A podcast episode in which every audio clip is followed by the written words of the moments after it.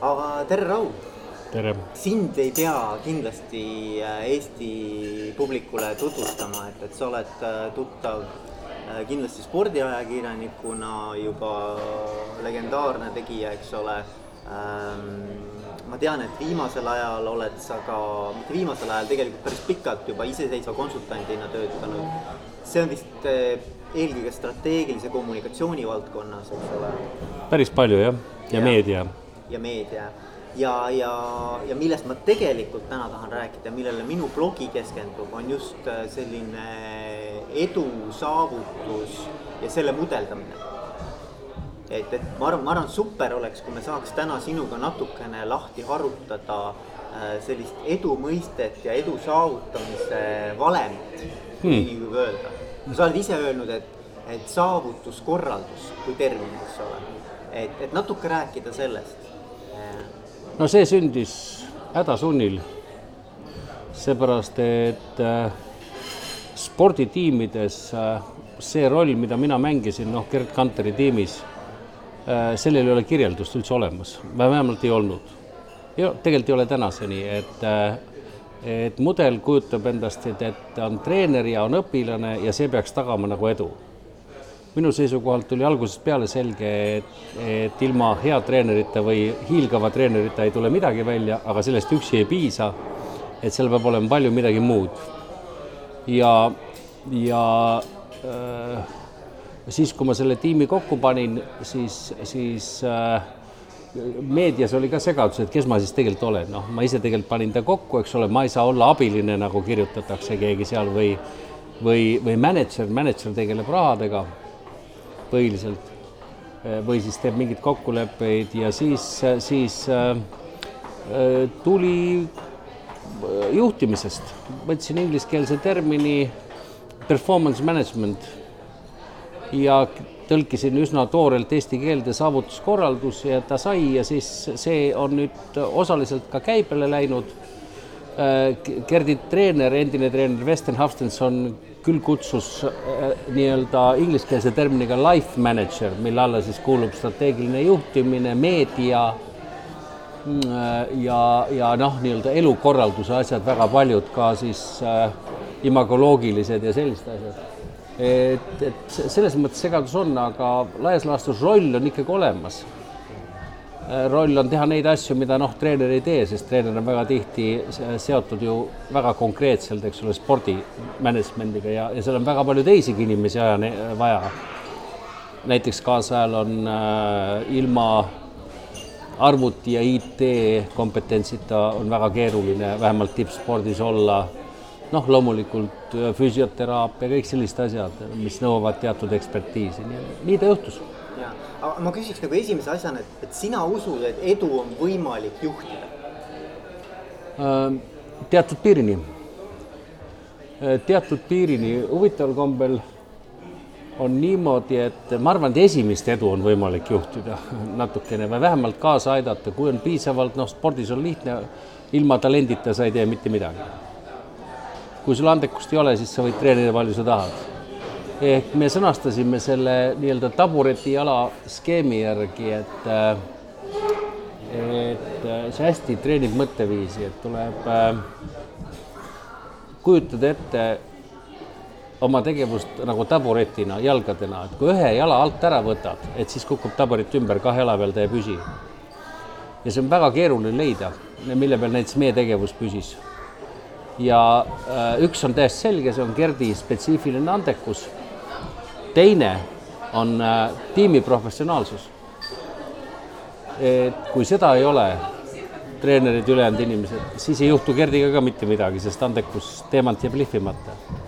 ja kolmas, väga keeruline oli seda sõnastada, aga mina sõnastasin selle siis äh, rahva, kes on sportlase baassihtgrupp, oma rahvas vajadus edu ja, või siis medali järele, noh, nii-öelda saavutuse järele, vajadus saavutuse järele võtad ühe neist ära, kott kukub kokku.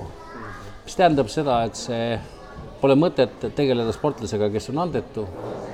andekal sportlasel pole mõtet tegeleda ebaprofessionaalse tiimiga.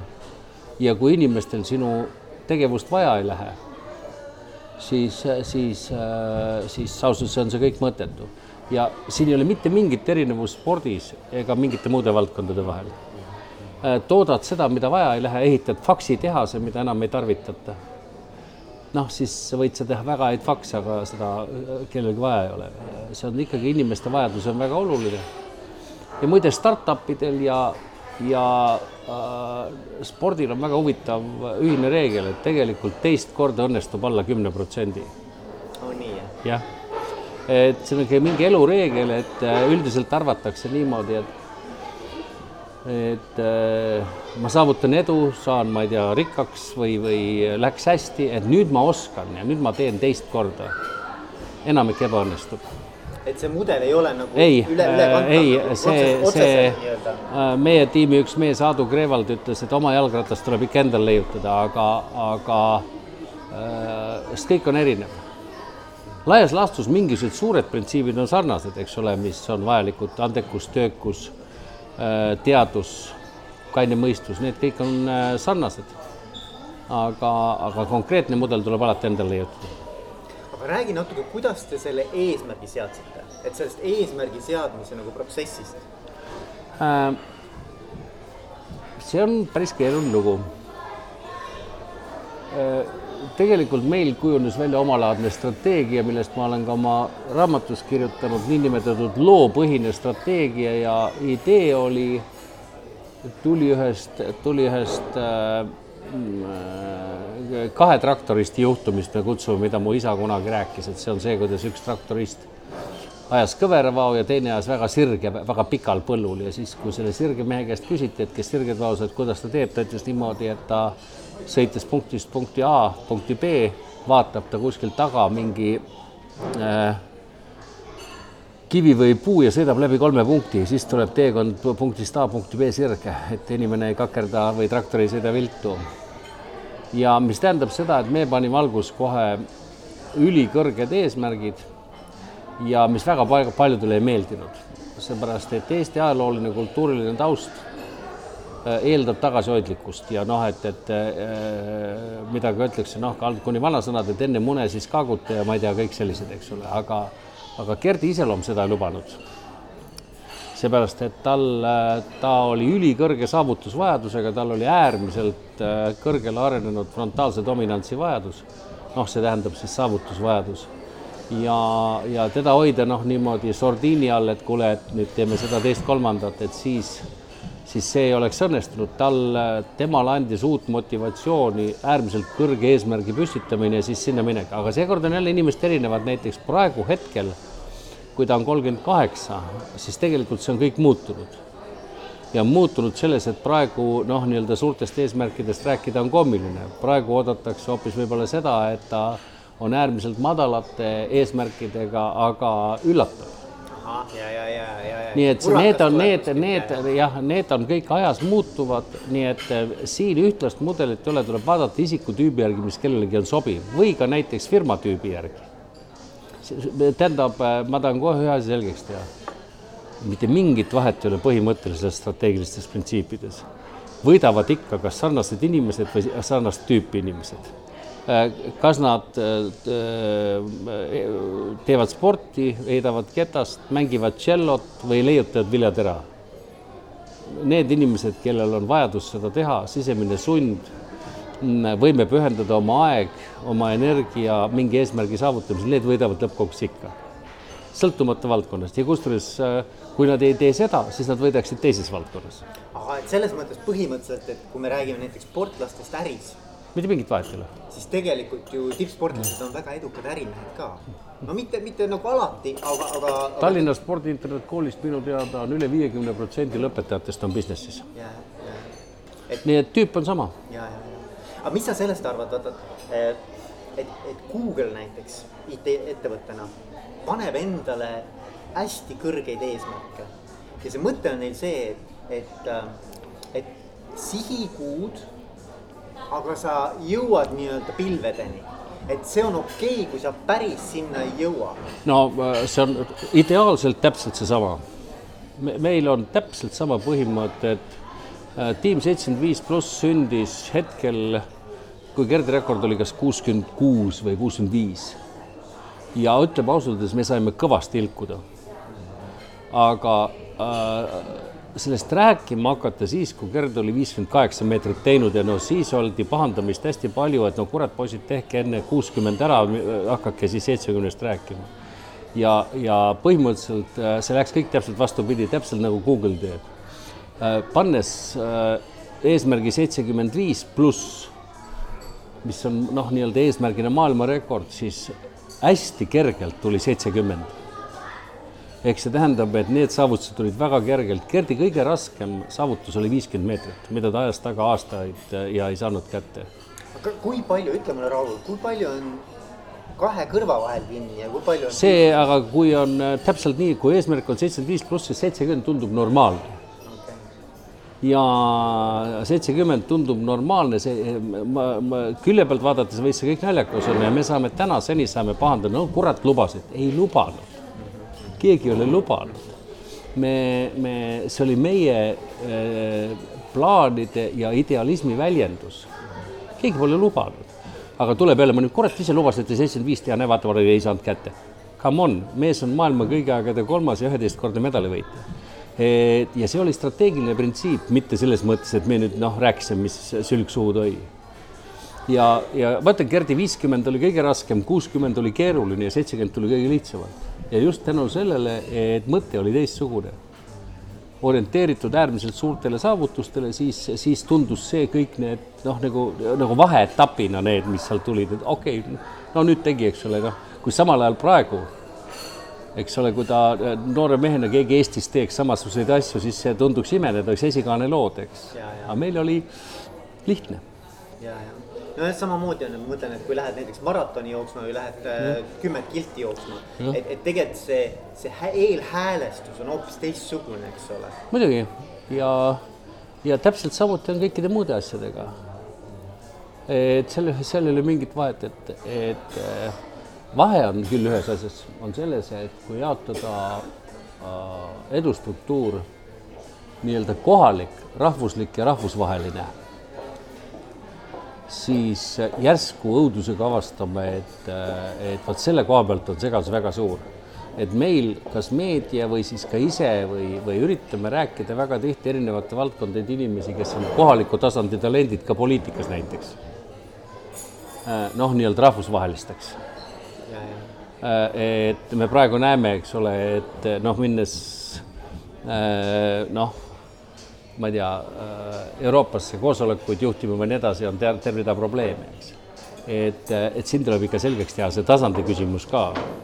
ja väga tihti näiteks äh, ma äärmiselt kõrgelt hindan inimesi, kõiki tasandeid on vajalik, kes näiteks noh, paneb endale eesmärgiks, et et oma maakonna meistrivõistlustelt jõuda Eestisse, eks ole, kuue hulka ja ta täidab selle ja see on suur inimlik ületus ja noh, tal ei olegi rohkem vaja, eks ole ja, näiteks äh, mina mängin natukene malet teinekord, siis minul on males on väga selge missioon, mina oma vanuses üldse ei püstita mingit suuri eesmärki ja minu missioon on ainult üks, et teha tuju halvaks neil, äh, kes loevad ennast heaks mängijaks. mul suurt, see valmistab mulle suurt rõõmu, kui ma, kui ma mõidan mõnikord endast tugevamat, siis äh, ma rohkem ei tahagi.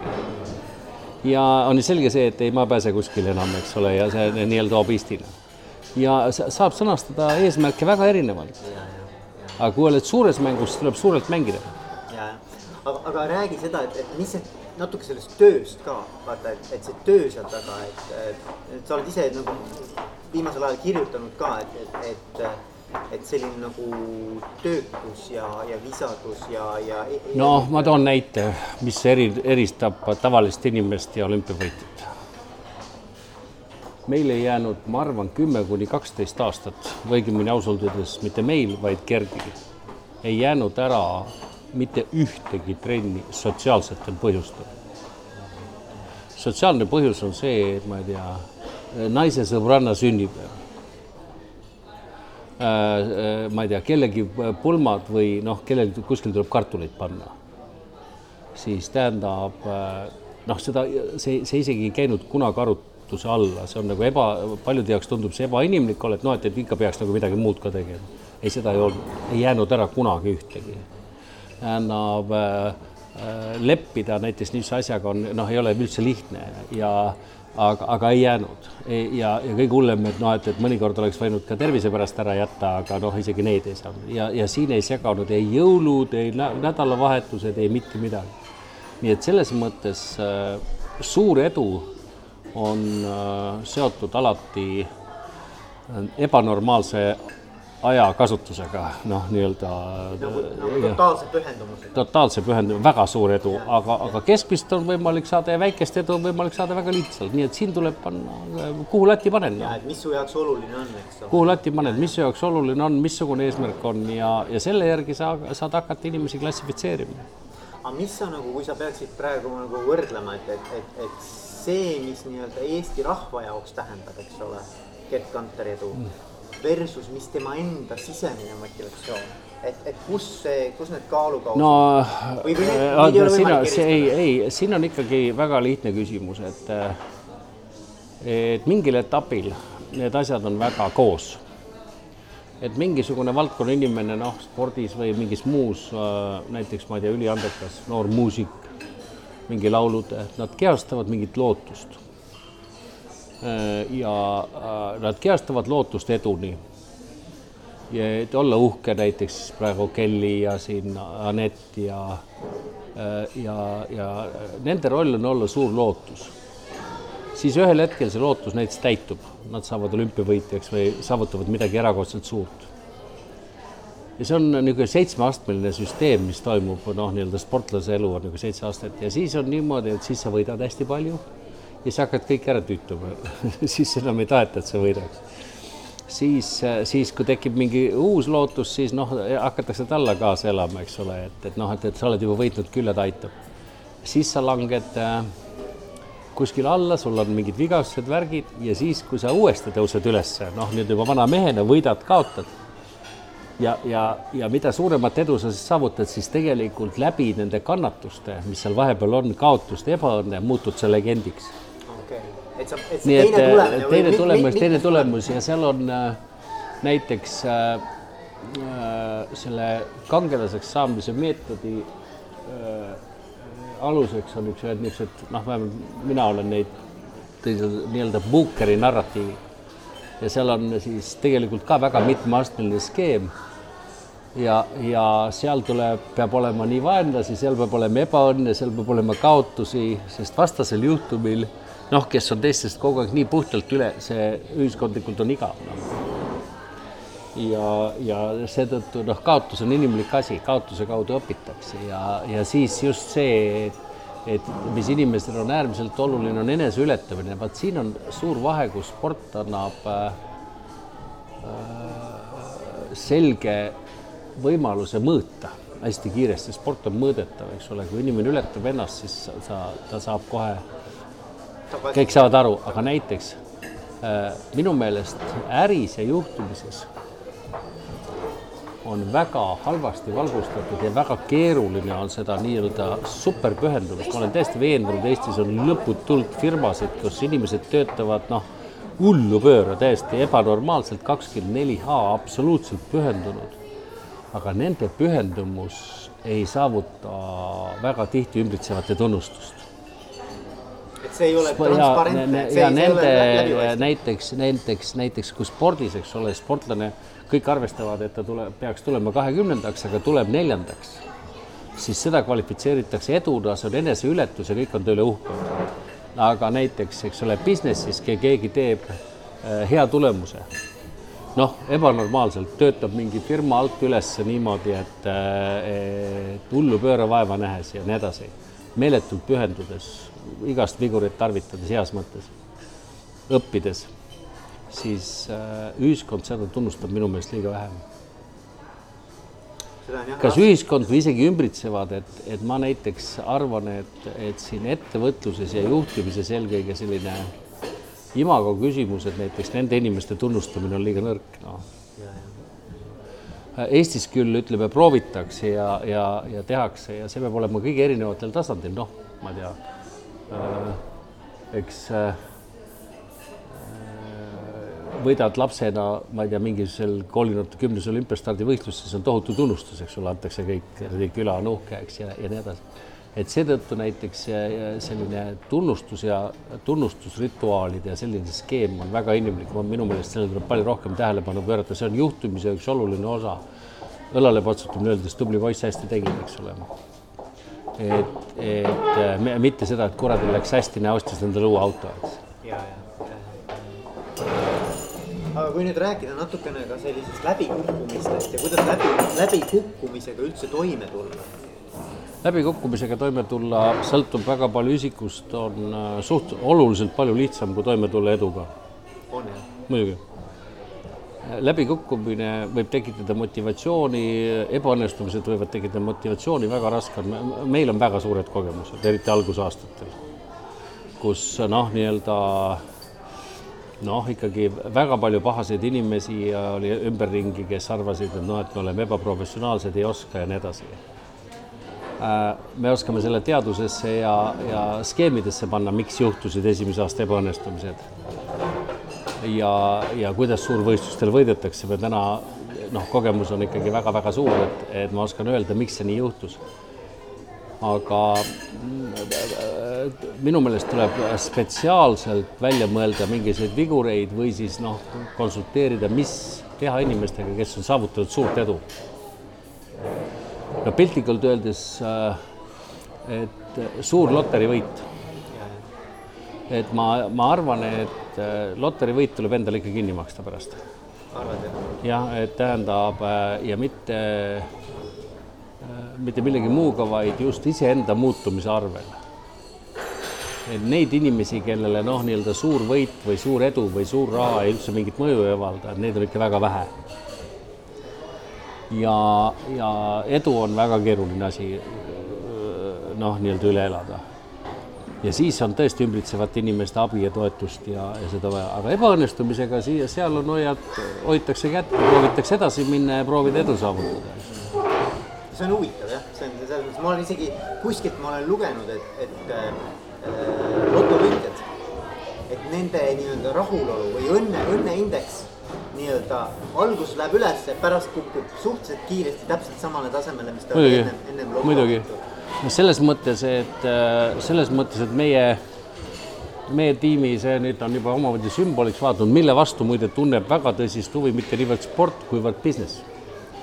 et mul on päris suur koormus on olnud sellesama teooria seletamisel ka suurtele rahvusvahelistele äh, firmadele on see niinimetatud õnneliku kana teooria ja õnneliku kana teooria aluseks on siis äh, idee, et äh, õnnelik kana, kellel noh, nii-öelda muna tegemise protsess on olnud õnnelik, tal on olnud, ma ei tea, äh, ruumi siblida ja kuked ja värgid ja vabadusi ja nii edasi, ta on kuskil farmis kasvanud, neid müüakse neid ju praegugi. ja, ja vaba, vabakasvatus. ja, ja nii siis, siis äh, nemad teevad parema muna, mis on tegelikult efektiivsuse küsimus ja selle asja taustaks on siis äh, idee, et lõpptulemus tuleb iseenesest äh,, kui sa teed protsessi õnnelikuks.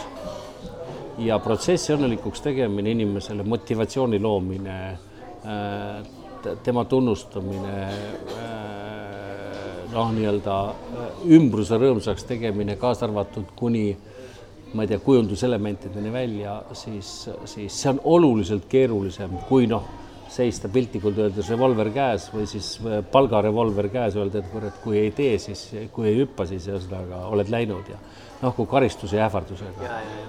nii et, äh, et äh, ma olen ikkagi veendunud, et on olemas struktuure, kus präänikute süsteem, kui seda osavamalt rakendada, on oluliselt mõjud, mõjusam äh, kui piitsasüsteem. ma ei tunne noh, nii-öelda paljude tootmisvaldkondade spetsiifikat niivõrd, et ma saaksin seda kindlalt öelda, aga neid valdkondi, kes ma tunnen, võin öelda, et, et äh, präänik on minu meelest olulisem vahend kui piits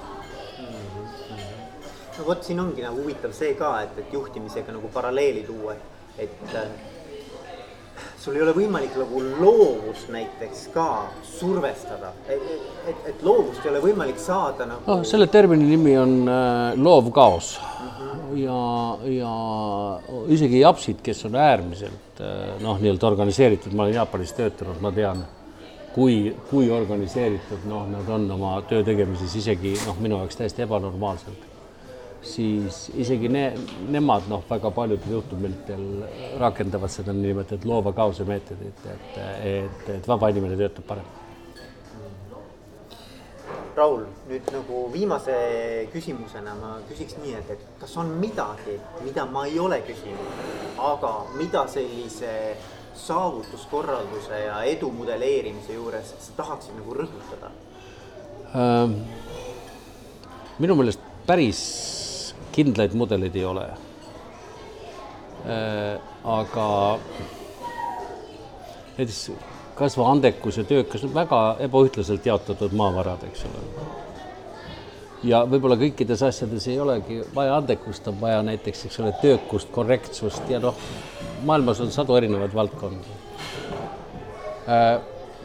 mis on aga baasiks sõltumata minu meelest ükskõik, kus inimesed töötavad, siis meie piirkonnas ma arvan, et on meil saja viiekümne aasta jooksul meie kirjandusest, kultuurist, talupojakultuurist ja religioonist äh, loodud äh, töö tegemise kirg. ja, ja absoluutselt tähtis on, mida sa teed, küsimus on selles, et sa teeksid.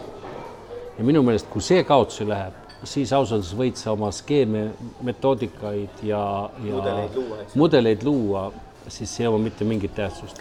inimesed võivad eksida, inimesed võivad komistada, aga kui nad tahavad midagi teha, tahavad midagi saavutada, tahavad oma elu parandada, siis äh, see maht, mis töösse tuleb teha, noh, et mitte piltlikult öeldes, et ei planeerita ainult puhkusi, vaid ka tööd ja, ja, ja et, et puhkust planeeritakse paremini kui, ja, kui tööd, eks ole. et, et kui see kaotsi läheb, siis on kõik läinud kui äh, see, et midagi eksitakse, läheb viltu, see kaotsi läheb, siis ei juhtu midagi tõsist no mul tuleb meelde see Malcolm Gladwelli kümme tuhat tundi, eks ole, vaata ta on, ta on kirjutanud sellest, et, et. Äh, selle, see kümme tuhande tundi teooria, ma arvan, on päris tõsine teooria see on päris tõsine teooria, seepärast et, et me alguses isegi nagu täpselt ei teadnud seda teooriat siin, meile jõudis ta hiljem kohale, aga kui me kaks tuhat kaheksa pärast olümpiavõitu hakkasime rehkendama, et mis on meie töömaht olnud Gerd Kantriga, siis tuli välja, et see on äh,